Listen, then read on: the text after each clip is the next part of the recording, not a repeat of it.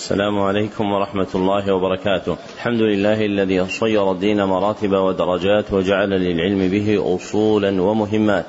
وأشهد أن لا إله إلا الله حقا وأشهد أن محمدا عبده ورسوله صدقا. اللهم صل على محمد وعلى آل محمد كما صليت على إبراهيم وعلى آل إبراهيم إنك حميد مجيد اللهم بارك على محمد وعلى آل محمد كما باركت على إبراهيم وعلى آل إبراهيم إنك حميد مجيد. أما بعد فحدثني جماعة من المسندين وهو أول حديث سمعته منهم بإسناد كل إلى سفيان بن عيينة عن عمرو بن دينار عن أبي قابوس مولى عبد الله بن عمرو عن عبد الله بن عمرو بن العاص رضي الله عنهما عن رسول الله صلى الله عليه وسلم قال الراحمون يرحمهم الرحمن ارحموا من في الأرض يرحمكم من في السماء. ومن آكد الرحمة رحمة المعلمين للمتعلمين في تلقينهم أحكام الدين وترقيتهم في منازل اليقين ومن طرائق رحمتهم إيقافهم على مهمات العلم بإقراء أصول المتون وتبيين مقاصدها الكلية ومعانيها الإجمالية ليستفتح بذلك المبتدئون تلقيهم ويجد فيه المتوسطون ما يذكرهم ويطلع منه المنتهون إلى تحقيق مسائل العلم. وهذا تتمة شرح الكتاب الخامس من برنامج مهمات العلم في مرحلته الأولى وهو كتاب الأربعين في مباني الإسلام. وقواعد الأحكام للعلامة يحيى بن شرف النووي رحمه الله. وقد انتهى بنا البيان إلى قوله رحمه الله الحديث الحادي والثلاثون. نعم. بسم الله الرحمن الرحيم. الحمد لله والصلاة والسلام على رسول الله. قال العلامة النووي رحمه الله تعالى في كتابه الأربعين في مباني الإسلام وقواعد الأحكام. الحديث الحادي والثلاثون عن أبي العباس سهل بن سعد الساعدي رضي الله عنه قال جاء رجل إلى النبي صلى الله عليه وسلم فقال يا رسول الله دلني على عمل إذا أنا عملته أحبني الله وأحبني الناس. فقال ازهد في الدنيا يحبك الله وازهد فيما عند الناس يحبك الناس. حديث حسن رواه ابن ماجه وغيره بأسانيد حسنة. هذا الحديث أخرجه ابن ماجه بسند ضعيف جدا لا يعتمد عليه. وأوله عنده أتى النبي صلى الله عليه وسلم رجل فقال الحديث وروي من وجوه أخرى لا يثبت منها شيء فتحسينه بعيد جدا إلا أن ما فيه من معنى مصدق بدلائل كثيرة في القرآن والسنة والزهد في الدنيا شرعا هو الرغبة عما لا ينفع في الآخرة هو الرغبة عما لا ينفع في الآخرة. وهذا معنى قول أبي العباس بن تيمية الحفيد في الزهد ترك ما لا ينفع في الآخرة. ذكره في قاعدته المفردة في الزهد واستحسنه تلميذه ابن القيم في مدارج السالكين. ويندرج تحت هذا الوصف أربعة أشياء أولها المحرمات وثانيها المكروهات وثالثها المشتبهات لمن لا يتبينها ورابعها فضول المباحات وفضول المباحات اسم لما زاد من المباح عن الحاجة اسم لما زاد من المباح عن الحاجة فالزهد واقع فيهن ليس غير وما كان زائدا عنها فلا مدخل له في الزهد فليس من الزهد ترك تناول المباح بالكلية والاستمتاع به لأن الله سبحانه وتعالى إنما جعله توسعة للخلق. وإنما يطلب العبد بترك ما يزيد عن حاجته من المباح مما يسمى عند الأصوليين والفقهاء بفضول المباح. والزهد في الدنيا يشمل الزهد مما في أيدي الناس الذي ذكره النبي صلى الله عليه وسلم في الحديث. فكان مغنيا أن يذكر له النبي صلى الله عليه وسلم أن يذكر له النبي صلى الله عليه وسلم الأمر بالزهد إلا أن النبي صلى الله عليه وسلم أمره بالزهد في الدنيا أولا ثم أمره بالزهد فيما في أيدي الناس ثانيا مع كون الثاني راجعا للأول والحامل على ذلك اختلاف الثمرة الناشئة عن كل اختلاف الثمرة الناشئة عن كل فإن الزهد في الدنيا يورث محبة الله. والزهد فيما عند الناس يورث محبة الناس. فلاختلاف الثمرة الناشئة عنهما المتولدة عن كل واحد منهما كرر النبي صلى الله عليه وسلم الأمر به. فالزهد في الدنيا يورث محبة الله والزهد فيما عند الناس يورث محبة الناس. ويستفاد مما تقدم معرفة حكم الزهد وأن له درجتين. الأولى درجة واجبة.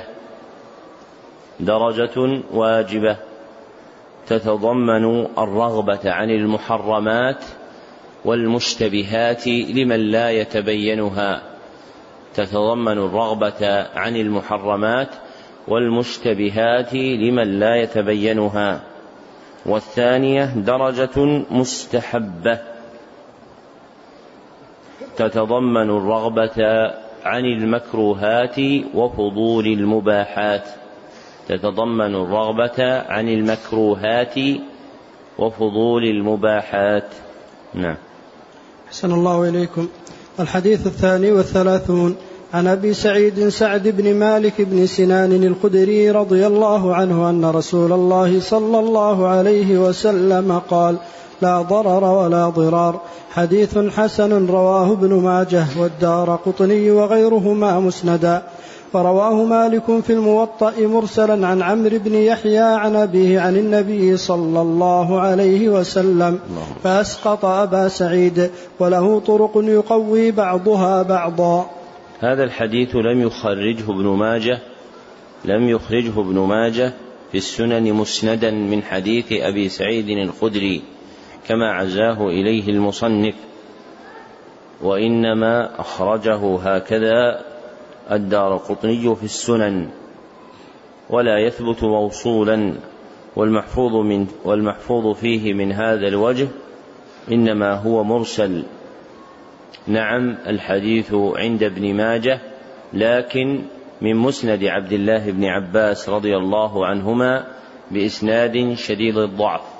فالصواب في عزوه إلى ابن ماجه أن يقال إنه من حديث ابن عباس لا من حديث أبي سعيد الخدري. وروي هذا الحديث عن جماعة آخرين من الصحابة بأسانيد يقوي بعضها بعضا كما ذكر المصنف. فالحديث معدود من جملة الأحاديث الحسنة باجتماع طرقه. وفيه نفي أمرين. أحدهما الضرر قبل وقوعه فيدفع بالحيلولة دونه. والآخر الضرر بعد وقوعه فيرفع بإزالته. فيكون قوله صلى الله عليه وسلم لا ضرر ولا ضرار أكمل من قول الفقهاء الضرر يزال لانحسار لانحصار عبارتهم في ضرر وقع يطلب زواله ووفاء حديثه صلى الله عليه وسلم بدخول هذه الدرجة وذكر درجة أخرى وهي درجة الضرر المتوقع فيمنع من نزوله وحلوله. واتباع ألفاظه صلى الله عليه وسلم في الدلالة على مرادات الشرع أولى لأنها أكمل في بيان المقصود الشرعي من لفظ غيره. ذكر هذا المعنى جماعة من المحققين منهم أبو العباس بن تيمية الحفيد وتلميذه ابن القيم والشاطبي في الموافقات. فأيما مسألة وجد فيها خطاب شرعي فاستعمال الخطاب الشرعي أوفى وأكمل من استعمال غيره فإن غيره لا يسلم من النقص بخلاف عبارة الشرع ومن جملتها أحاديثه صلى الله عليه وسلم. واعتبر هذا عند الفقهاء في القواعد الخمس الكلية عندهم. فإن الألفاظ التي وضعوها في المشهور عندهم للدلالة على تلك المقاصد لا تسلم واحدة منها من اعتراض وفي كل واحدة منها يكون في قوله صلى الله عليه وسلم ما يغني عن مقالتهم. فقولهم مثلا الأمور بمقاصدها أكمل منه وأصدق في الدلالة على المقصود الأعمال بالنيات وقولهم المشقة تجلب التيسير أكمل منه قوله صلى الله عليه وسلم الدين يسر وهلم جرا. نعم. أحسن الله إليكم. الحديث الثالث والثلاثون. عن ابن عباس رضي الله عنهما أن رسول الله صلى الله عليه وسلم قال لو يعطى الناس بدعواهم لادعى رجال أموال قوم ودماءهم لكن البينة على المدعي واليمين على من أنكر. حديث حسن رواه البيهقي وغيره هكذا وأصله في الصحيحين.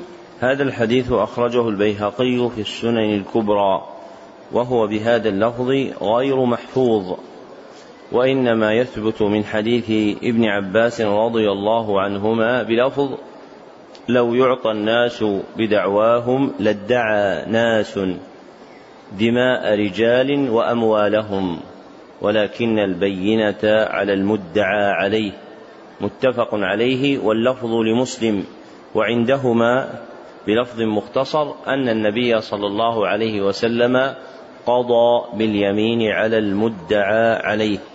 وليس في الصحيحين أن البينة على المدعي فهذه اللفظة جاءت في زائدة في رواية البيهقي ولا تصح وإنما المحفوظ في الحديث هو لفظ الصحيحين والدعوى اسم لما يضيفه المرء لنفسه مستحقا على غيره اسم لما يضيفه المرء لنفسه مستحقا على غيره كقوله لي على فلان ألف ريال لي على فلان ألف ريال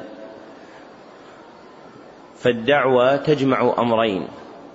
أحدهما إضافة المرء شيئا إلى نفسه. إضافة المرء شيئا إلى نفسه. والآخر الزعم بأنه مستحق له على غيره.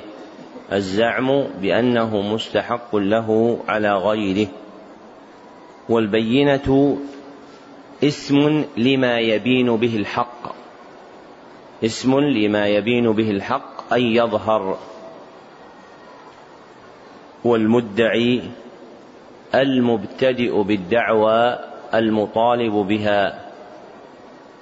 المبتدئ بالدعوى المطالب بها. وضابطه عند الفقهاء من إذا سكت ترك. وضابطه عند الفقهاء من إذا سكت ترك.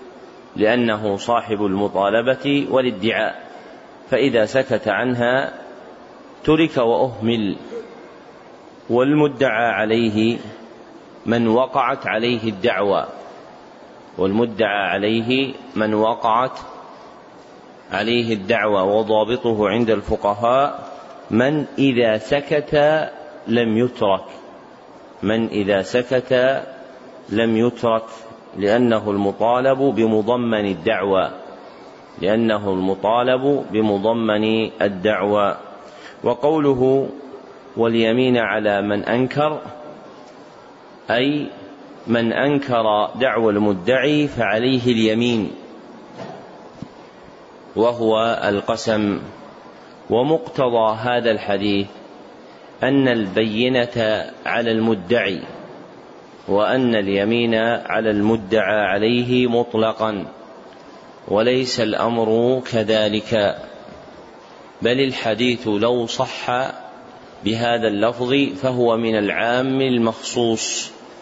فالأصل المذكور ليس كليا بل يلاحظ في ذلك جانب القرائن التي تحتف بوقائع الخصومات يلاحظ في ذلك جانب القرائن التي تحتف بالخصومات فقد يجعل القاضي اليمين في حق المدعى أو يجعلها في حق المدعى عليه. وفق المقرر عند الفقهاء في باب الدعاوى والبينات من كتاب القضاء. نعم. أحسن الله إليكم. الحديث الرابع والثلاثون. عن أبي سعيد الخدري رضي الله عنه قال سمعت رسول الله صلى الله عليه وسلم يقول من رأى منكم منكرا فليغيره بيده فإن لم يستطع فبلسانه فإن لم يستطع فبقلبه وذلك أضعف الإيمان. رواه مسلم. هذا الحديث متضمن للأمر بتغيير المنكر والأمر يفيد الوجوب. فإنكار المنكر بتغييره واجب. والمنكر اسم والمنكر شرعا اسم جامع كل ما أنكره الشرع بالنهي عنه على وجه التحريم. اسم جامع كل ما أنكره الشرع بالنهي عنه على وجه التحريم. فالمنكرات هي المحرمات والتغيير المأمور به له ثلاث مراتب. الأولى تغيير المنكر باليد والثانية تغيير المنكر باللسان والثالثة تغيير المنكر بالقلب. والمرتبتان الأوليان شرط لوجوبهما الاستطاعة وبدونها تسقطان.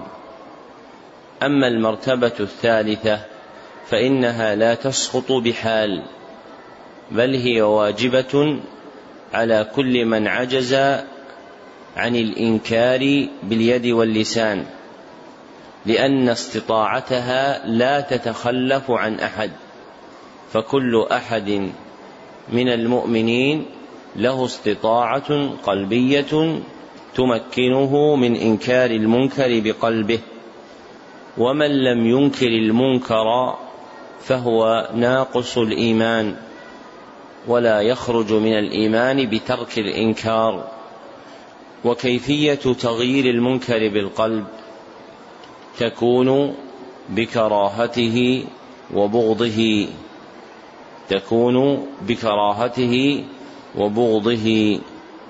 وهذه الكراهة والبغض مستقرها القلب ولا يلزم بدو آثارها على الجوارح فلا يجب على العبد أن يتمعر وجهه متغيرا مقطب الجبين بل الذي يلزمه هو وجود معنى البغض والكراهة للمنكر في قلبه فإذا وجد هذا المعنى كان كافيا في وجود إنكاره المنكر بقلبه.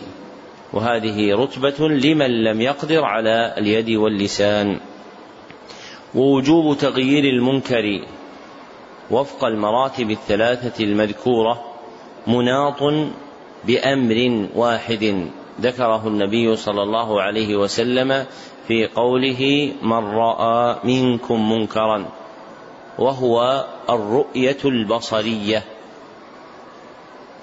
فلا يلزم الوجوب بغيرها.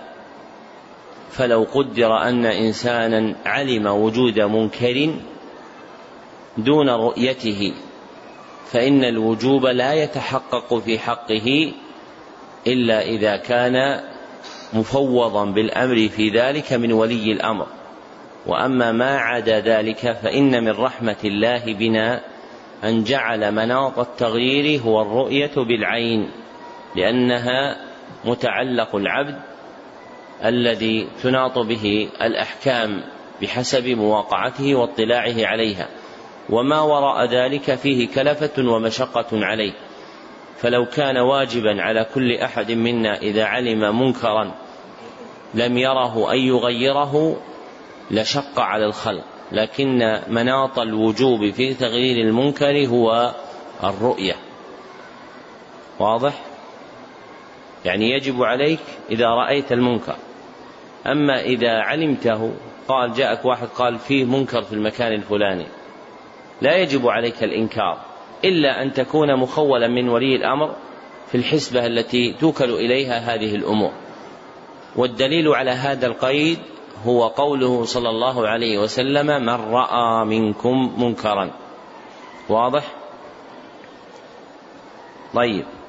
لو قال قائل إن بعض الشراح قالوا من رأى منكم منكرا أي من علم منكم منكرا فالرؤية هنا هي الرؤية القلبية لا الرؤية البصرية. ما الجواب؟ نعم. نعم. وإذا نصبت مفعول واحد. فإنها بصرية وليست لأن العلمية تنصب أحسن.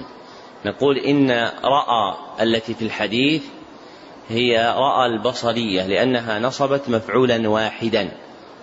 أما رأى العلمية التي بمعنى علم فإنها عند أهل العربية يلزمها نصب مفعولين ولا وجود لهما في النص. فرأى هنا هي الرؤية البصرية العينية وليست الرؤية الرؤية القلبية. نعم. صلى الله عليكم. الحديث الخامس والثلاثون. عن أبي هريرة رضي الله عنه قال قال رسول الله صلى الله عليه وسلم لا تحاسدوا ولا تناجشوا ولا تباغضوا ولا تدابروا ولا يبع بعضكم على بيع بعض وكونوا عباد الله إخوانا. المسلم أخو المسلم لا يظلمه ولا يخذله ولا يكذبه ولا يحقره. التقوى ها هنا ويشير إلى صدره ثلاث مرات بحسب امرئ من الشر أن يحقر أخاه المسلم. كل المسلم على المسلم حرام دمه وماله وعرضه. رواه مسلم. هذا الحديث أخرجه مسلم في الصحيح دون قوله ولا يكذبه فإنها غير واردة في روايته. جزم بذلك جماعة من أهل العلم. فليست من قبيل اختلاف النسخ بل من غلط بعض من يذكر من يذكر هذا الحديث فيدخل فيه ما ليس منه. وهذه الصنيعة تندرج تحت نوع آخر غير المدرج لأن المدرج مروي في بعض الطرق. وهذا النوع لم يذكره أحد من المصنفين في علوم الحديث بل هو من الأنواع التي فتح الله بزيادتها وسميته الملزق وله أمثلة. منها ما يذكره كثير من الناس فيقولون إن النبي صلى الله عليه وسلم قال اللهم إني أعوذ بك من علم لا ينفع. وقلب لا يخشع ودعاء لا يسمع وعين لا تدمع. هذه الرابعة ليست في الحديث. عين لا تدمع لم تروى ابدا في الحديث عن النبي صلى الله عليه وسلم لكن اشتهرت نسبتها عند الناس حتى وقع فيها بعض متأخر الحفاظ كأبي الفضل بن حجر رحمه الله في موضع له.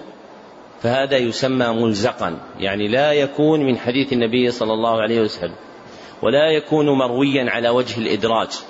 سيأتي معنا المدرج في نخبة الفكر إن شاء الله بأنه يروى في بعض الطرق لكن هذا لا يكون في الطرق أبدا وإنما هو خارج منها وشرطه أن يكون قطعة أما إذا كان حديثا كاملا فإنه لا أصل له وهذا معنى معروف لكن الكلام في القطعة التي تزاد أو اللفظ الذي يزاد في بعض الطرق في بعض نقلة الحديث والمختصرات التي تذكر الحديث في فيثبتون مثل هذه الزيادة. وقوله صلى الله عليه وسلم لا تحاسدوا وقوله صلى الله عليه وسلم لا تحاسدوا نهي عن التحاسد. وحقيقة الحسد وحقيقة الحسد عند استفتاء؟ عندك استفتاء يا عم؟ الله يجزاك خير. فيه مسؤولين عن الاستفتاء في المسجد عند الأبواب اللي هناك اسأل عنهم يدلونك عليهم. جزاك الله خير. وقوله لا تحاسدوا نهي عن التحاسد وحقيقة الحسد كراهية العبد جريان النعمة على غيره سواء اقترن بالكراهية تمني زوالها أم لم يقترن. رحمك الله. وقوله ولا تناجشوا نهي عن النجش. وأصله في لسان العرب إثارة الشيء بمكر وحيلة وخداع. فهو نهي عن تحصيل المطالب بتلك الطرق. نهي عن تحصيل المطالب بتلك الطرق. ومن أفراده البيع المعروف عند الفقهاء وهو أن يزيد في السلعة من لا يريد شراءها. المعاملة المعروفة عند الفقهاء وهي أن يزيد في السلعة من لا يريد شراءها. فالحديث عام يفيد النهي عن الوصول إلى أي غرض؟ بالحيلة والمكر والخداع. ومن أفراد هذه الكلية العامة المعاملة المعروفة عند الفقهاء. وقوله لا تباغضوا نهي عن التباغض. إذا عدم المسوغ الشرعي فإن كان الحامل عليه اتباع الشريعة لم يكن منهيا عنه فإن الشريعة جاءت ببغض المحرمات وأهلها كالشرك والبدعة والمعصية. لكن البغض الذي يتعلق بمن تلطخ بشيء من ذلك ولم يخرج عن دائرة الإسلام بغض مقيد فيبغض من وجه ويحب من وجه فبغضه من قبل خطيئته التي قارفها وحبه من جهة أصل الإسلام الذي معه. وقوله لا تدابر نهي عن التدابر. وهو التقاطع والتهاجر وله نوعان. أحدهما هجر لأجل أمر دنيوي. هجر لأمر دنيوي. ولا يحل فوق ثلاث. والآخر هجر لأجل أمر ديني. فتجوز الزيادة على الثلاث لحديث الثلاثة الذين خلفوا فإنهم هجروا شهرا وتقدير المدة معلق بالمصلحة والمفسدة. وقوله وكونوا عباد الله إخوانا يحتمل معنيين. أحدهما أنه إنشاء لا تراد حقيقته. أنه إنشاء لا تراد حقيقته. بل يراد به الخبر. أي إذا تركتم التحاسد والتباغض والتدابر والتناجش ولم يبع بعضكم على بيع بعض كنتم عباد الله إخوانا فهو خبر محض. والآخر أنه إنشاء تراد به حقيقته وهي الأمر أي كونوا عباد الله إخوانا بتحصيل كل سبب يحقق الأخوة الإسلامية ويقويها. وكلا المعنيين صحيح. وقوله التقوى ها هنا ويشير إلى صدره ثلاث مرات أي أصل التقوى في القلوب. ومن ثم أشار النبي صلى الله عليه وسلم إلى صدره للإعلام بأن أصلها مستقر في قلب العبد الذي محله الصدر. ومتى عمر القلب بالتقوى ظهرت آثارها على اللسان والجوارح. ومن الدعاوى الكاذبة أن يزعم المرء استقرار التقوى في قلبه مع فقد آثارها على لسانه وجوارحه. فمن يقول التقوى ها هنا مع عدم ظهور آثار التقوى عليه فإنه كاذب في الدعوى وإنما بقي عنده أصل الإيمان. أما التقوى وهي الرتبة العظيمة فلا بد أن تكون لها آثار ظاهرة على العبد. فمن يصلي مرة ويترك أخرى ويصوم شهر رمضان سنة ويترك أخرى ثم يزعم بأن التقوى ها هنا لا تصح دعواه وإنما معه أصل الإسلام. أما التقوى ذات المرتبة العظيمة وهي اتخاذ العبد وقاية بينه وبين ما يخشاه بامتثال خطاب الشرع فإنها مفقودة منه. لأن التقوى رتبة شريفة زائدة عن قدر أصل الإسلام. وفي ذلك يقول الله عز وجل إنما يتقبل الله من المتقين. والمراد بالتقبل هنا ما هو زائد عن القبول. فإن القبول يقع لأهل الإسلام إذا عملوا أعمالا. وأما التقبل فإنه يحتاج إلى زيادة فوق أصل الإسلام وهي التقوى. لأن بين القبول والتقبل فرقا. ما هو؟ هذه الدلالات اللغوية اللي نقولها دائم.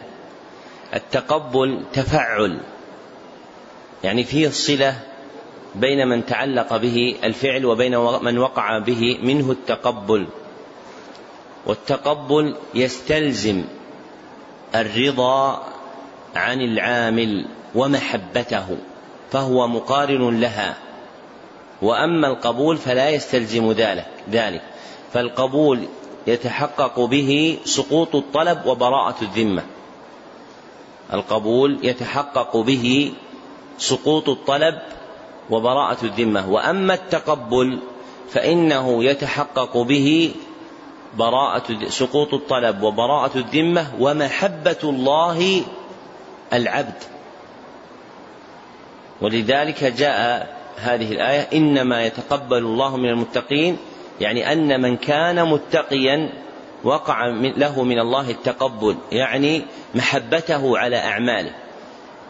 ولأجل هذا كان دعاء الأنبياء ربنا تقبل منا وإلا ربنا اقبل اقبل منا. إيش؟ تقبل منا لأن التقبل فيه معنى فيه معنى زائد. أشار إلى هذه النكتة اللطيفة من غير تطويل كلام فيها أبو عبد الله بن القيم رحمه الله وتلميذه أبو الفرج ابن رجب وهي ظاهرة لمن تدبر دلالات النصوص في القرآن والسنة. نعم. أحسن الله إليكم.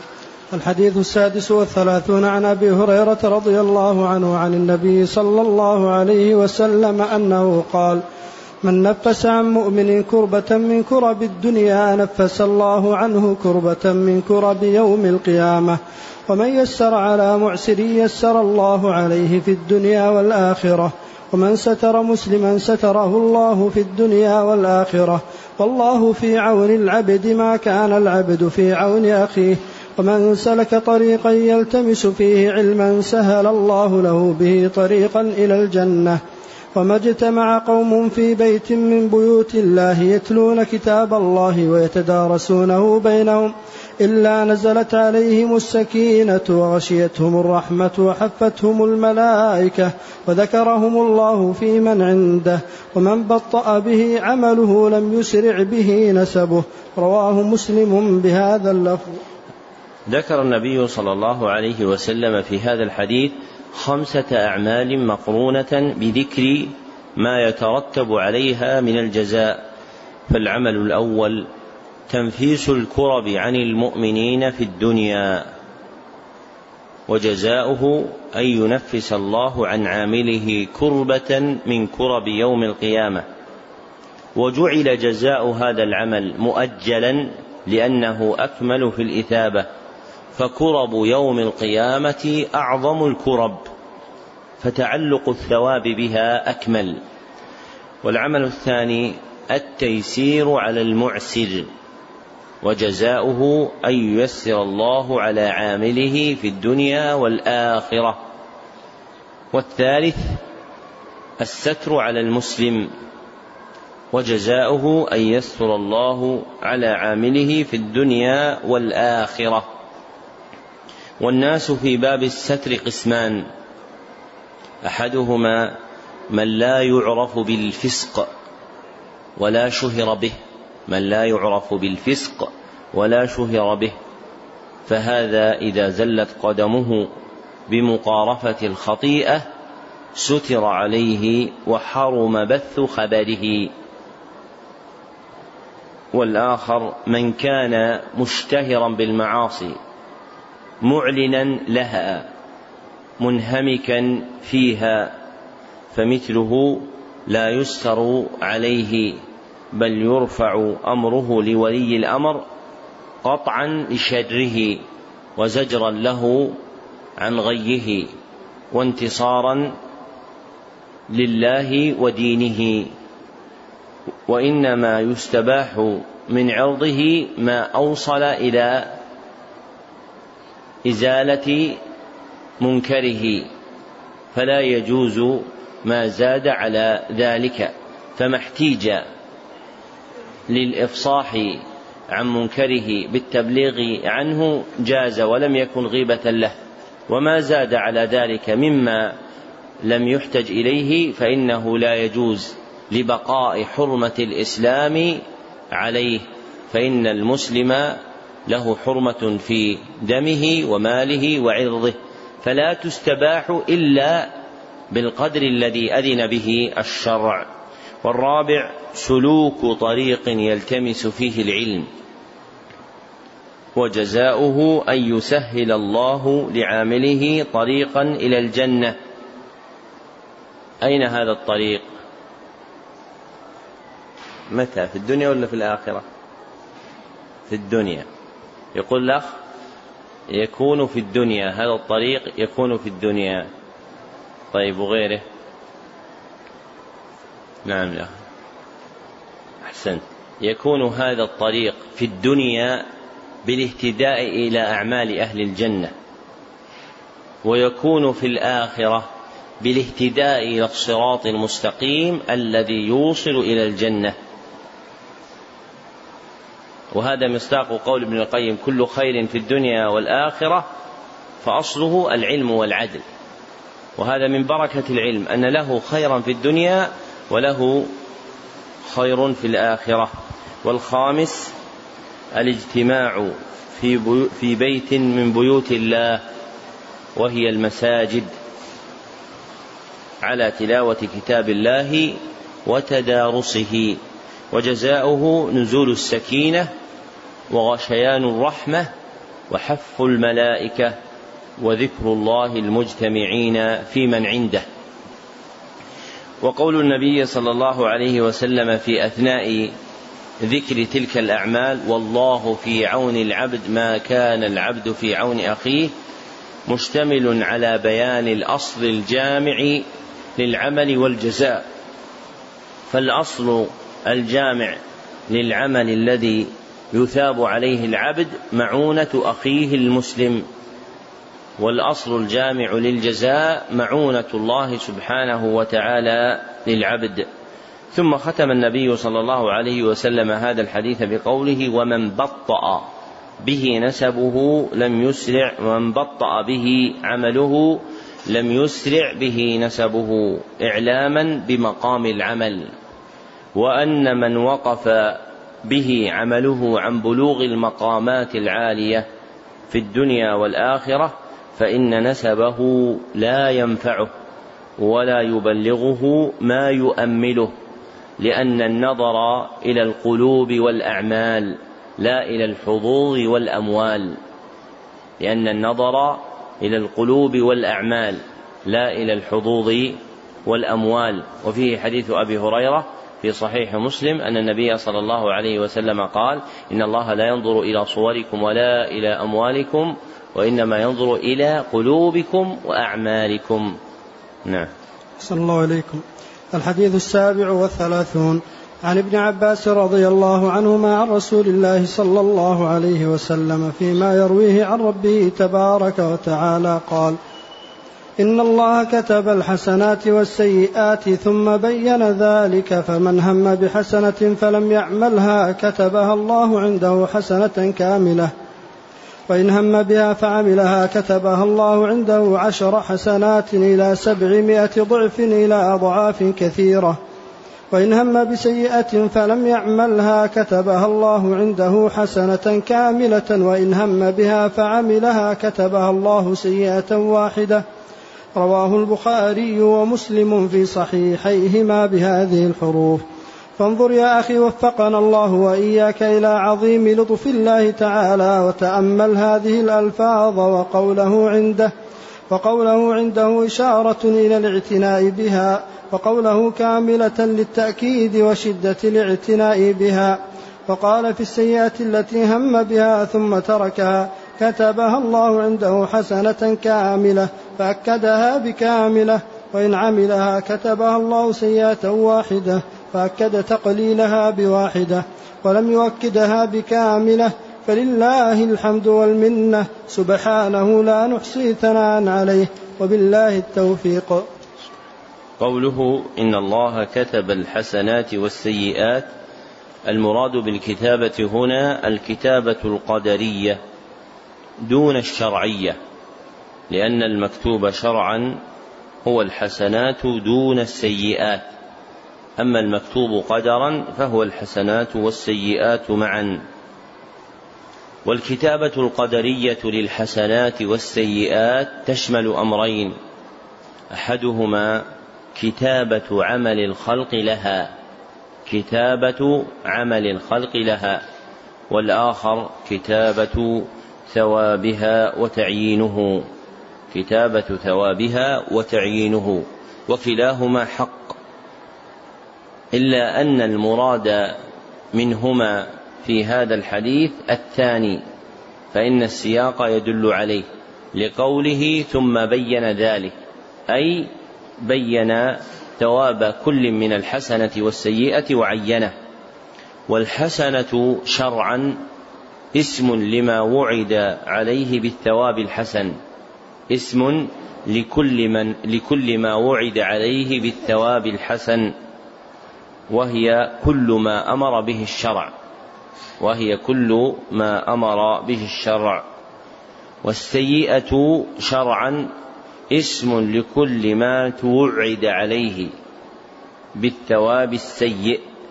اسم لكل ما توعد عليه بالثواب السيء وهي كل ما نهى عنه الشرع نهي تحريم وهي كل ما نهى عنه الشرع نهي تحريم. فتندرج الفرائض والنوافل في اسم الحسنة وتختص السيئة بإيش؟ بالمحرمات فقط. والعبد بين الحسنة والسيئة لا يخلو من أربعة أحوال أخبر عنها الله في هذا الحديث القدسي. فالحال الأولى أن يهم بالحسنة ولا يعمل بها. أن يهم بالحسنة ولا يعمل بها. فيكتبها الله عز وجل عنده حسنة كاملة. والهم المذكور هنا هو هم الخطرات. فإذا وجدت في القلب خطرة إلى الحسنة كتبها الله له حسنة وإن لم يعمل بها وهذا من فضل الله علينا إذ كان مجرد الخاطر العارض لإرادة الحسنة موجبا لأن يتفضل الله عز وجل على العبد فيكتبها له حسنة ولو لم يعملها. والحال الثانية أن يهم بالحسنة ثم يعمل بها. فيكتبها الله عز وجل عنده عشر حسنات إلى سبعمائة ضعف إلى أضعاف كثيرة. ومناط حصول التضعيف فوق العشر هو قدر الإحسان في العمل والإخلاص في القلب. واضحة المسألة هذه؟ الحسنة بعشر أمثالها. هذا باعتبار المرتب في الجزاء شرعا. وراء ذلك يتفاضل الناس. أقل من يفعل الحسنة كم له؟ عشر حسنات وتوجد الزيادة عليها إلى سبعمائة ضعف إلى أضعاف كثيرة. فمن الناس من يجزى بالحسنة ثلاثين ضعفا ومنهم من يجزى سبعمائة ضعف. ما المفرق بين الاثنين؟ كمال الإخلاص والمتابعة. كمال الإخلاص لله والمتابعة لرسول الله صلى الله عليه وسلم. الحال الثالثة أن يهم بالسيئة ويعمل بها. فتكتب سيئة مثلها من غير مضاعفة. فلا تضاعف بعددها وربما وقعت المضاعفة في كيفيتها بملاحظة شرف المكان أو الزمان أو حال العبد فتعظم سيئته كيفا لا كما فتعظم سيئته كيفا لا كما كالسيئة في البلد الحرام. فإنها لا تضعف عشرا وإنما تضعف حجما. فالنظر الحرام مثلا في البلد الحرام سيئة في كيفيتها الحجمية أعظم من النظر الحرام في غير البلد الحرام. الحال الرابعة أن يهم بالسيئة ثم لا يعمل بها. وترك العمل بالسيئة يكون لأحد أمرين وترك العمل بالسيئة يكون لأحد أمرين. أحدهما أن يكون الترك لسبب دعا إليه أن يكون الترك لسبب دعا إليه. والآخر أن يكون الترك لغير سبب. بل تفتر عزيمته دون سبب داع. وترك السيئة لسبب داع ثلاثة أقسام. فالقسم الأول أن يتركها أن يكون السبب خشية الله. أن يكون السبب خشية الله. فتكتب له حسنة. والقسم الثاني أن يكون السبب مخافة المخلوقين ومراءاتهم فيعاقب على هذا. فيعاقب على هذا. لماذا قل ما قلنا فتكتب سيئة؟ تبعا للنص لأن النص جاء في العقوبة على الرياء مخافة المخلوقين وعدم مخافة الله. ما جاء فيه تعيين أنها تكتب سيئة من جنس ذنبه الذي وقع لكن عنده سيئة أخرى وهي الرياء أو مخافة غير الله سبحانه وتعالى. والقسم الثالث أن يكون السبب عدم القدرة على السيئة مع الاشتغال بتحصيل أسبابها. أن يكون السبب عدم القدرة على السيئة مع الاشتغال بتحصيل أسبابها فهذا يعاقب كمن عمل فتكتب عليه سيئة. أما ترك السيئة لغير سبب فهو قسمان. أما ترك السيئة لغير سبب فهو قسمان. القسم الأول أن يكون همه بها هم خطرات أن يكون همه بها هم خطرات فلم يسكن قلبه إليها ولا انعقد عليها بل نفر منها فهذا معفو عنه. بل تكتب للعبد حسنة جزاء عدم سكون قلبه إلى السيئة ونفرته منها. وهو المقصود في الحديث. والقسم الثاني أن يكون الهم بالسيئة هم عزم. أن يكون الهم بالسيئة هم عزم. وهم العزم هو الهم المشتمل على الإرادة الجازمة المقترنة بالتمكن من الفعل. هو الهم المشتمل على الإرادة الجازمة المقترن بالتمكن من الفعل. وهذا القسم نوعان. أحدهما ما كان من أعمال القلوب. ما كان من أعمال القلوب وأحوالها. كالشك في الوحدانية أو التكبر أو العجب. فهذا يترتب عليه أثره ويؤاخذ العبد به. وربما صار منافقا أو كافرا. والآخر ما كان من أعمال الجوارح فيصر القلب عليه هاما به هم عزم فيصر القلب عليه هاما به هم عزم. لكن لا لا يظهر لذلك أثر في الخارج. لكن لا يظهر لذلك أثر في الخارج فجمهور أهل العلم على المؤاخذة به أيضا فجمهور أهل العلم على المؤاخذة به أيضا وهو اختيار جماعة من المحققين منهم المصنف أبو زكريا النووي وأبو العباس ابن تيمية الحفيد.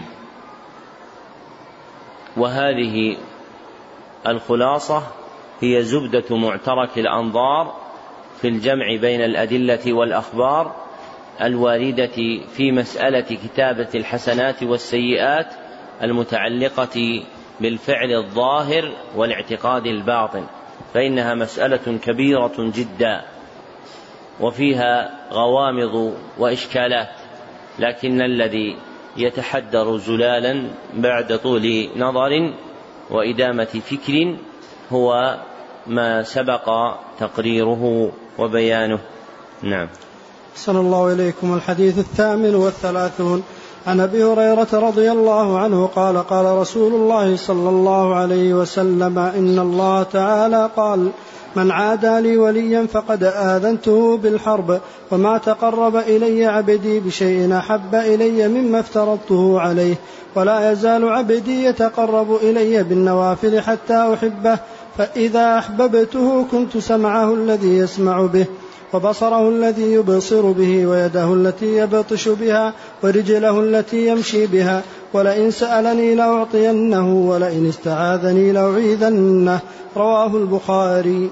هذا الحديث أخرجه البخاري بهذا اللفظ ووقع في بعض روايات كتاب البخاري وإن سألني لأعطينه وقال ولئن استعاذ بي وزاد في آخره وما ترددت عن شيء أنا فاعله ترددي عن نفس المؤمن يكره الموت وأنا أكره مساءته وفي الحديث بيان جزاء معاداة أولياء الله والولي شرعا وولي الله شرعا وولي الله شرعا كل مؤمن تقي. قال الله تعالى ألا إن أولياء الله لا خوف عليهم ولا هم يحزنون الذين آمنوا وكانوا يتقون. وكمال الولاية بحسب كمال الإيمان والتقوى. وهذا المعنى هو خلاف معنى الولي المصطلح عليه عند علماء الاعتقاد والسلوك فإن الولي عندهم اصطلاحا كل مؤمن تقي غير نبي فيخرجون الأنبياء عن مسمى الأولياء اصطلاحا. أما بالنظر إلى الحقيقة الشرعية فإن اسم الولي الوارد في القرآن والسنة يشمل الأنبياء ومن دونهم. ومعاداة الولي توذن بحرب صاحبها من الله إن كانت لأجل ما هو عليه من الدين أو كانت لأجل أمر دنيوي واقترن بها بغض الولي وكراهيته والتعدي عليه بالجور والظلم. فإن خلت من ذلك فلا تدخل في الحديث فتكون معاداة ولي الله لأجل أمر دنيوي دون ظلمه والتعدي عليه غير مندرجة في الحديث. أما المندرج في الحديث من معاداة الولي فهو نوعان. أحدهما معاداته لأجل الدين.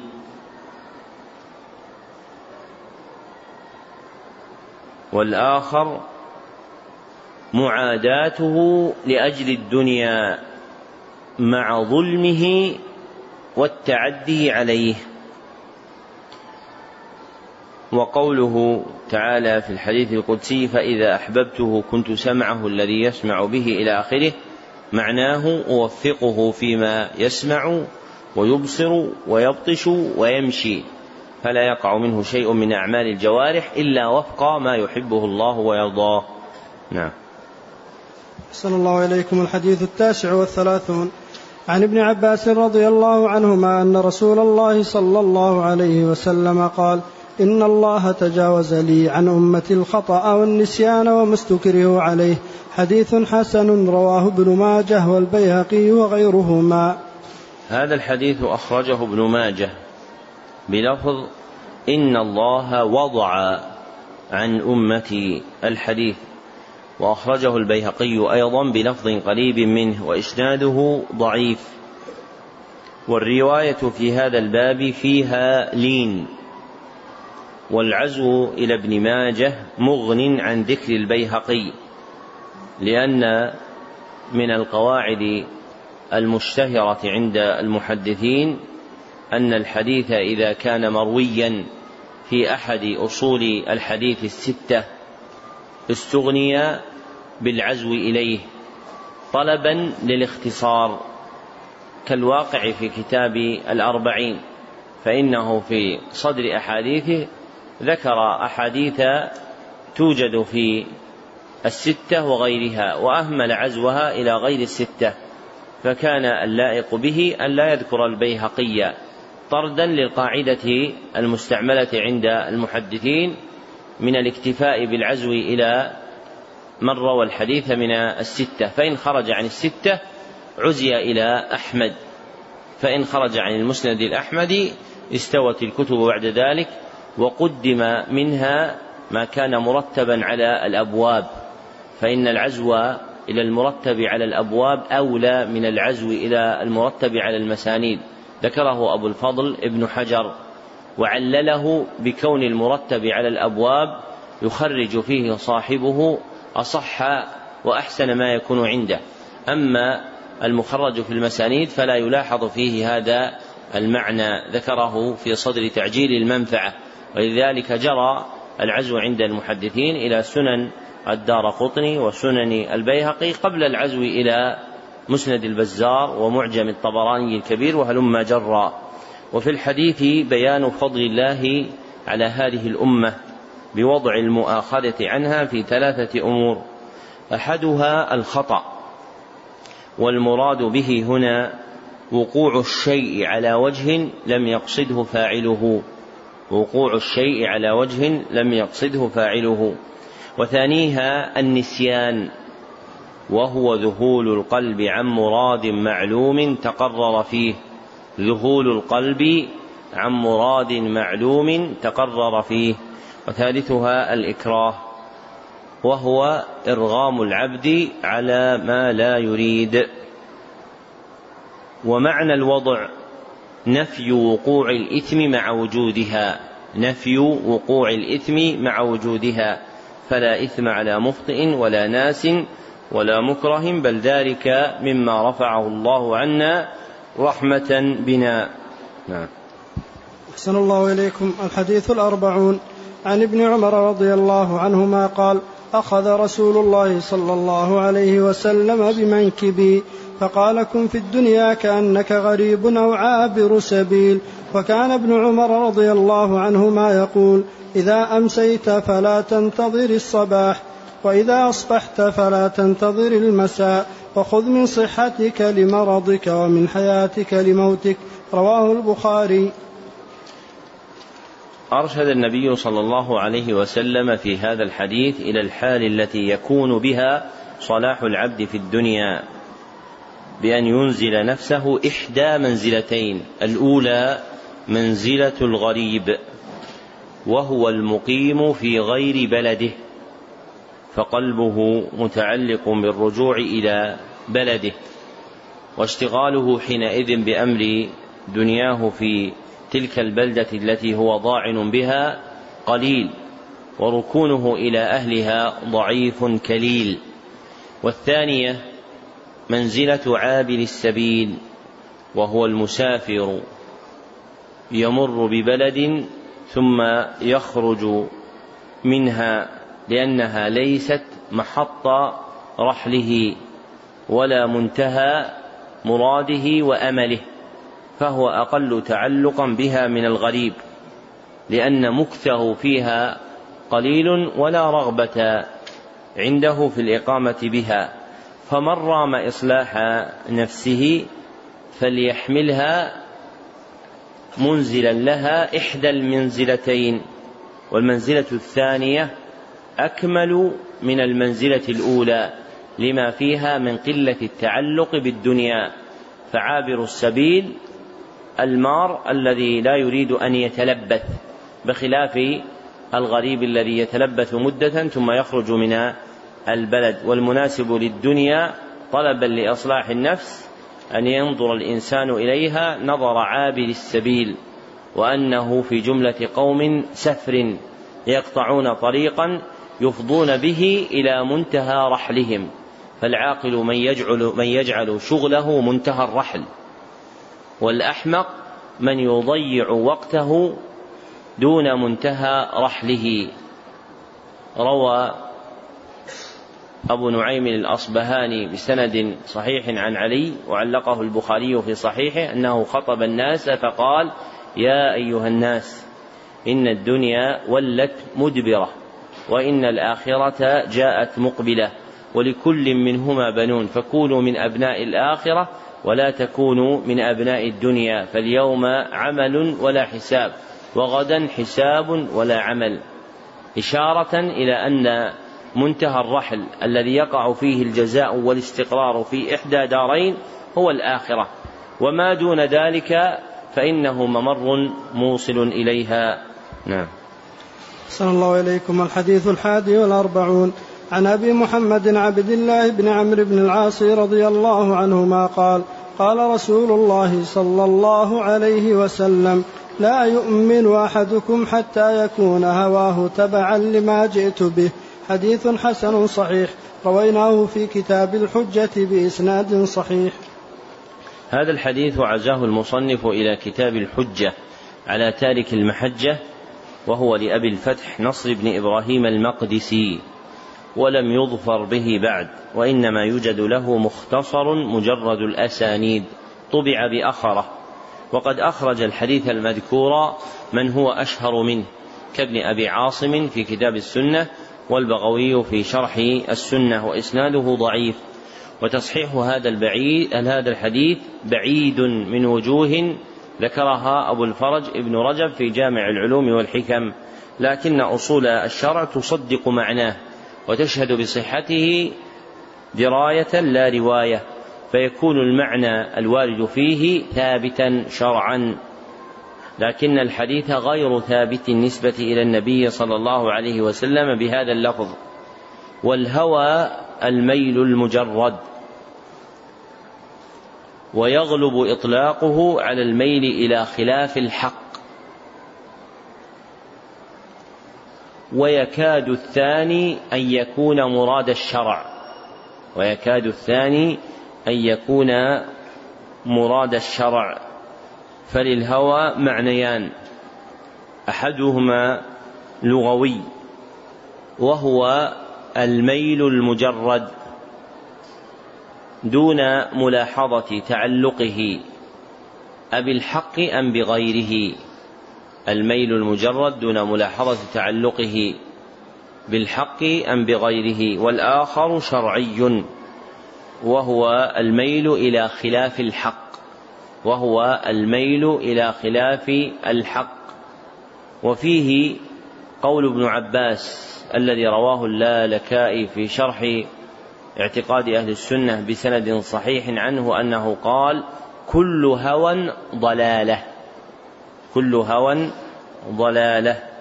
والحديث المذكور هنا مما يرجع إلى المعنى الأول دون الثاني أي إلى اللغوي دون الشرعي. وما جاء به الرسول صلى الله عليه وسلم من الدين قسمان أحدهما ما لا يصح إسلام العبد إلا به. ما لا يصح إسلام العبد إلا به. والآخر ما يصح إسلام العبد دونه. ما يصح إسلام العبد دونه. فالأول إذا ذكر نفي الإيمان عن تاركه كان نفيا لأصله. فالأول إذا ذكر نفي الإيمان عن تاركه كان نفيا لأصله. والثاني إذا نفي الإيمان عن تاركه كان نفيا لكماله. فيعلم من هذا معنى نفي الإيمان المذكور في الحديث. فإنه إن كان النفي متعلقا بأصل الإيمان كان النفي نفي أصل الإيمان بالكلية. وإن كان النفي متعلقا بما زاد عن أصل الإسلام يكون نفيا لكمال الإيمان. نعم. أحسن الله إليكم. الحديث الثاني والأربعون. عن أنس رضي الله عنه قال سمعت رسول الله صلى الله عليه وسلم يقول قال الله تعالى يا ابن آدم إنك ما دعوتني ورجوتني غفرت لك على ما كان منك ولا أبالي. يا ابن آدم لو بلغت ذنوبك عنان السماء ثم استغفرتني غفرت لك. يا ابن آدم إنك لو أتيتني بقراب الأرض خطايا ثم لقيتني لا تشرك بي شيئا لأتيتك بقرابها مغفرة. رواه الترمذي وقال حديث حسن صحيح. هذا الحديث أخرجه الترمذي في الجامع وتكلم في إسناده إلا أن, إلا أن الحديث بمجموع طرقه من جملة الأحاديث الحسان. ولفظه في النسخ التي بأيدينا من جامع الترمذي على ما كان فيك عوض على ما كان منك الذي ذكره المصنف. وهو مشتمل على ذكر ثلاثة أسباب تحصل بها المغفرة. أولها الدعاء المقترن بالرجاء. الدعاء المقترن بالرجاء. وقرن الدعاء بالرجاء لإفادة أن الداعي حاضر القلب مقبل على الله. لإفادة أن الداعي حاضر القلب مقبل على الله. وثانيها الاستغفار وثالثها توحيد الله. وأشير إليه بعدم الشرك في قوله لا تشرك بي. لأن غاية التوحيد إبطال الشرك وإنما أخر ذكره مع جلالة قدره لعظم أثره في محو الذنوب وإنما أخر ذكره مع جلالة قدره لعظم أثره في محو الذنوب. المذكور في قوله تعالى في هذا الحديث القدسي لأتيتك بقرابها مغفرة أي بملئها مغفرة. فالقراب بضم القاف وتكسر ملء الشيء وهو هنا ملء الأرض. فيكون معنى الحديث لو أنك أتيتني بملء الأرض ذنوبا وأنت موحد لأتاك الله بملئها مغفرة. والعنان بفتح العين هو السحاب. نعم. أحسن الله إليكم. خاتمة الكتاب. فهذا آخر ما قصدته من بيان الأحاديث التي جمعت قواعد الإسلام وتضمنت ما لا يحصى من أنواع العلوم في الأصول والفروع والآداب وسائر وجوه الأحكام. وها أنا أذكر بابا مختصرا جدا في ضبط خفي ألفاظها مرتبة لئلا يغلط في شيء منها وليستغني بها حافظها عن مراجعة غيره في ضبطها. ثم أشرع في شرحها إن شاء الله تعالى في كتاب مستقل. وأرجو من فضل الله تعالى أن يوفقني فيه لبيان مهمات من اللطائف وجمل من الفوائد والمعارف. لا يستغني مسلم عن معرفة مثلها ويظهر لمطالعها جزالة هذه الأحاديث وعظم فضلها. وما اشتملت عليه من النفائس التي ذكرتها والمهمات التي وصفتها ويعلم بها الحكمة في اختيار هذه الأحاديث الأربعين وأنها حقيقة بذلك عند الناظرين. وإنما أفردتها عن هذا الجزء ليسهل حفظ الجزء بانفراده ثم من أراد ضم الشرح إليه فليفعل. ولله عليه المنة بذلك إذ يقف على نفائس اللطائف المستنبطة من كلام من قال الله في حقه. وما ينطق عن الهوى إن هو إلا وحي يوحى. ولله الحمد أولا وآخرا وباطنا وظاهرا. باب الباب الإشارات إلى ضبط الألفاظ المشكلات. هذا الباب وإن ترجمته بالمشكلات فقد أنبه فيه على ألفاظ من الواضحات. في الخطبة نظر الله امرأ روي بتشديد الضاد وتخفيفها والتشديد أكثر ومعناه حسنه وجمله. الحديث الأول أمير المؤمنين عمر بن الخطاب رضي الله عنه هو أول من سمي أمير المؤمنين. قوله صلى الله عليه وسلم إنما الأعمال بالنيات المراد لا تحسب الأعمال الشرعية إلا بالنية. قوله صلى الله عليه وسلم فهجرته إلى الله ورسوله معناه مقبولة. قوله رحمه الله معناه مقبولة. المعهود في الخطاب الشرعي متقبلة لأن التقبل فوق القبول فهو يتضمن محبة الله العاملة ورضاه عنه وبها وقع دعاء الأنبياء ووعد الأتقياء. فقال الأبوان إبراهيم وإسماعيل ربنا تقبل منا وقال الله إنما يتقبل الله من المتقين نعم. صلى الله إليكم.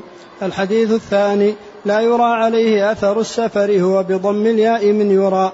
قوله تؤمن قال المصنف رحمه الله في شرح صحيح مسلم واسمه المنهاج في صح في شرح صحيح مسلم بن الحجاج وضبطه الحافظ أبو حازم العدوي نرى بالنون المفتوحة. وكذا هو في مسند أبي يعلى الموصلي وكلاهما صحيح. انتهى كلامه. نعم. أحسن الله إليكم. قوله تؤمن بالقدر خيره وشره. معناه تعتقد أن الله قدر الخير والشر قبل خلق الخلق وأن جميع الكائنات بقضاء الله تعالى وقدره وهو مريد لها. هذا الذي ذكره المصنف رحمه الله هو بعض معنى الإيمان بالقدر. والمختار أن ذلك يرجع إلى حقيقته الشرعية التي تقدم ذكرها وهي أن الإيمان بالقدر هو علم الله بالكائنات وكتابتها علم الله بالكائنات وكتابتها ومشيئته وخلقه لها. والمراد بالكائنات الحوادث والوقائع. نعم. أحسن الله إليكم. قوله فأخبرني عن أمارتها. هو بفتح الهمزة أي علامتها ويقال أمار بلا هاء اللغتان لكن الرواية بالهاء. قوله تلد الأمة ربتها أي سيدتها ومعناه أن تكثر السراري حتى تلد الأمة السرية بنتا لسيدها. وبنت السيد في معنى السيد وقيل يكثر بيع السراري حتى تشتري المرأة أمها وتستعبدها جاهلة بأنها أمها. وقيل غير ذلك وقد أوضحته في شرح صحيح مسلم بدلائله وجميع طرقه. قوله العالة أي الفقراء ومعناه أن أسافل الناس يصيرون أهل ثروة ظاهرة. قوله لبثت مليا هو بتشديد الياء أي زمانا كثيرا. وكان ذلك ثلاثا هكذا. جاء مبينا في رواية أبي داود والترمذي وغيرهما. اقتصر المصنف على عزو ما جاء من تقدير المدة إلى أبي داود والترمذي والتقدير المذكور وارد عند أصحاب السنن الأربعة جميعا فرواه أبو داود والترمذي والنسائي وابن ماجه أنه لبث ثلاث ليال وإسناده صحيح. نعم. أحسن الله إليكم الحديث الخامس. قوله من أحدث في أمرنا هذا ما ليس منه فهو رد أي مردود كالخلق بمعنى المخلوق. الحديث السادس قوله فقد استبرأ لدينه وعرضه أي صان دينه وحمى عرضه من وقوع الناس فيه. قوله يوشك هو بضم الياء وكسر الش وكسر الشين أي يسرع ويقرب. قوله حمى الله محارمه معناه الذي حماه الله تعالى ومنع دخوله هو الأشياء التي حرمها. الحديث السابع قوله عن أبي رقية هو بضم الراء وفتح القاف وتشديد الياء. قوله الداري منسوب إلى جد له اسمه الدار فقيل إلى موضع يقال له دارين ويقال فيه أيضا الديري نسبة إلى دير كان يتعبد فيه وقد بسطت القول في إيضاحه في أوائل شرح صحيح مسلم. قوله رحمه الله وقيل إلى موضع يقال له دارين. ذكر ابن طاهر في الأنساب المتفقة عن أبي الفضل الأبي وردي النسابة الأديب أنه كان يقول ليس هو من دارين بل هو غلط فاحش. انتهى كلامه. وقوله رحمه الله ويقال له الديري نسبة إلى دير كان يتعبد فيه. يوهم أن تعبده فيه وقع في الإسلام. وليس الأمر كذلك بل كان قبله.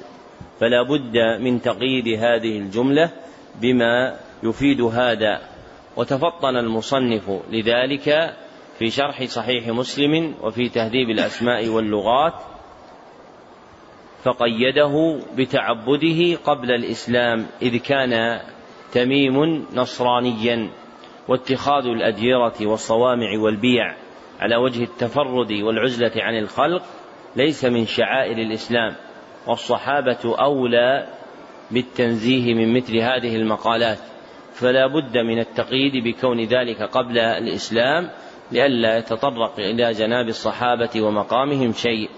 نعم. صلى الله إليكم. الحديث التاسع. قوله واختلافهم هو بضم الفاء لا بكسرها. الحديث العاشر. قوله غذي بالحرام هو بضم الغين وكسر الذال المعجمة المخففة. وذكر الجرداني الدمياطي في شرح الأربعين نقلا عن المصابيح أنه جاء بالتشديد أيضا فيقال غذي ويقال غذي لكن المشهور هو الأول وهو التخفيف. نعم. سن الله إليكم الحديث الحادي عشر. قوله دع ما يريبك إلى ما لا يريبك بفتح الياء وضمها لغتان والفتح أفصح وأشهر ومعناه اترك ما شككت فيه وأعدل إلى ما لا تشك فيه. ما ذكره رحمه الله من تفسير الريب بالشك فيه نظر والصحيح أن الريب هو قلق النفس واضطرابها فليس شكا فقط بل هو شك وزيادة وتفسيره بالشك من تفسير الشيء ببعض أفراده والمختار أن الريب له معنى أوسع من ذلك وهو قلق النفس واضطرابها. ذكره جماعة من المحققين منهم أبو العباس بن تيمية الحفيد وتلميذه ابن القيم وحفيده بالتلمذة أبو الفرج ابن رجب. نعم. أحسن الله إليكم. الحديث الثاني عشر. قوله يعني بفتح أوله. الحديث الرابع عشر. قوله الثيب الزاني معناه المحصن إذا زنى وللإحصان شروط معروفة في كتب الفقه. الحديث الخامس عشر. قوله أو ليصمت بضم الميم. وسمع كسرها أيضا. وهو القياس. نعم. أحسن الله إليكم. الحديث السابع عشر. القتلة والذبحة بكسر أولهما. قوله وليحد هو بضم الياء وكسر الحاء وتشديد الدال. يقال أحد السكين وحدها واستحدها بمعنى. الحديث الثامن عشر. جندب بضم الجيم وبضم الدال وفتحها. وجنادة بضم الجيم. الحديث التاسع عشر تجاهك بضم التاء وفتح الهاء أي أمامك كما في الرواية الأخرى. ذكر صاحب القاموس وغيره أن هذه الكلمة تجاه تجيء مثلثة التاء ضما تجاه وفتحا تجاه وكسرا تجاه. نعم. أحسن الله إليكم. تعرف إلى الله في الرخاء أي تحبب إليه بلزوم طاعته واجتناب مخالفته. الحديث العشرون. قوله إذا لم تستح فاصنع ما شئت معناه إذا أردت فعل شيء فإن كان مما لا تستحيي من الله ومن الناس في فعله فافعله وإلا فلا وعلى هذا مدار الإسلام. تقدم أن الحديث يجوز أن يكون خبرا ويجوز أن يكون إنشاء مفيدا للأمر. فما ذكره المصنف فيه ضيق وما سلف أوسع منه. نعم. أحسن الله إليكم الحديث الحادي والعشرون. قل آمنت بالله ثم استقم أي استقم كما أمرت ممتثلا أمر الله تعالى مجتنبا نهيه الحديث الثالث والعشرون قوله صلى الله عليه وسلم الطهور شطر الإيمان المراد بالطهور الوضوء. قيل معناه ينتهي تضعيف ثوابه إلى نصف أجر الإيمان وقيل الإيمان يجب ما قبله من الخطايا وكذلك الوضوء. ولكن الوضوء تتوقف صحته على الإيمان فصار نصفا. وقيل المراد بالإيمان الصلاة والطهور شرط لصحتها فصار كالشطر وقيل غير ذلك. قوله رحمه الله وقيل الإيمان يجب ما قبله من الخطايا وكذا الوضوء. أما أن الإيمان يجب ما قبله من الخطايا فهذا في صحيح مسلم بلفظ في هذا في صحيح مسلم مرفوعا من حديث عمرو بن العاص بلفظ الإسلام يجب ما قبله. وذلك يشمل كبائر الذنوب وصغائرها والإسلام والإيمان في الوضع الشرعي واحد فإذا ذكر أحدهما اندرج فيه الآخر. فالحديث يفيد أن الإيمان يجب قبله كما ذكر المصنف. أما الوضوء فلم يثبت فيه حديث بهذا اللفظ لكن تكفير الوضوء الذنوب وارد في أحاديث عدة. إلا أنها مختصة بتكفيره الصغائر دون الكبائر. نعم. أحسن الله إليكم قوله صلى الله عليه وسلم والحمد لله تملأ الميزان أي ثوابها وسبحان الله والحمد لله تملأان أي لو قدر ثوابهما جسما لملأ ما بين السماء والأرض وسببه ما اشتملتا عليه من التنزيه والتفويض إلى الله تعالى. الصلاة نور أي تمنع من المعاصي وتنهى عن الفحشاء وتهدي إلى الصواب وقيل يكون ثوابها نورا لصاحبها يوم القيامة وقيل لأنها سبب لاستنارة القلب والصدقة برهان أي, حج أي حجة لصاحبها في أداء حق المال وقيل حجة في إيمان صاحبها لأن المنافق لا يفعلها غالبا والصبر ضياء. أي الصبر المحبوب هو الصبر على طاعة الله تعالى والبلاء ومكاره الدنيا وعن المعاصي ومعناه. لا يزال صاحبه مستضيئا مستمرا على الصواب. كل الناس يغدو فبائع نفسه معناه. كل إنسان يسعى بنفسه. فمنها فمنهم من يبيعها لله تعالى بطاعته فيعتقها من العذاب ومنهم من يبيعها للشيطان والهوى باتباعهما. فيوبقها أي يهلكها. وقد بسطت شرح هذا الحديث في أول شرح صحيح مسلم. فمن أراد زيادة فليراجعه. وبالله التوفيق. الحديث الرابع والعشرون. قوله تعالى حرمت الظلم على نفسي. أي تقدست عنه فالظلم مستحيل في حق الله تعالى لأنه مجاوزة الحد أو التصرف في غير ملك في غير ملك وهما جميعا محال في حق الله تعالى. تقدم أن المختار في الظلم هو وضع الشيء في غير موضعه. وما ذكره المصنف مشهور عند المتكلمين وفيه نظر بسطه أبو العباس بن تيمية الحفيد نقضا ونقدا في شرح حديث أبي ذر الغفاري وهو مطبوع. نعم. أحسن الله إليكم. قوله تعالى فلا تظالموا وبفتح التاء أي لا تتظالموا. قوله تعالى إلا كما ينقص المخيط هو بكسر الميم وإسكان الخاء المعجمة وفتح الياء أي الإبرة ومعناه لا ينقص شيئا. الحديث الخامس والعشرون الدثور بضم الدال والثاء المثلثة الأموال واحدها دثر كفلس وفلوس. قوله وفي بضع أحدكم هو بضم الباء وإسكان الضاد المعجمة وهو كناية عن الجماع إذا نوى به العبادة. وهو قضاء حق الزوجة وطلب ولد صالح وإعفاف النفس وكفها عن المحارم. الحديث السادس والعشرون السلامة بضم السين وتخفيف اللام وفتح الميم وجمعه سلاميات بفتح الميم وهي المفاصل والأعضاء وهي ثلاثمائة وستون مفصلا ثبت ذلك في صحيح مسلم عن رسول الله صلى الله عليه وسلم. الحديث السابع والعشرون النواس بفتح النون وتشديد الواو وسمعان بكسر السين المهملة وفتحها. والفتح أشهر. أحسن الله عليكم. قوله حاك بالحاء المهملة والكاف أي تردد وابصة بكسر الباء الموحدة. الحديث الثامن والعشرون العرباض بكسر العين وبالموحدة. سارية بالسين المهملة والياء المثناة من تحت قوله ذرفت بفتح الذال المعجمة والراء أي سالت.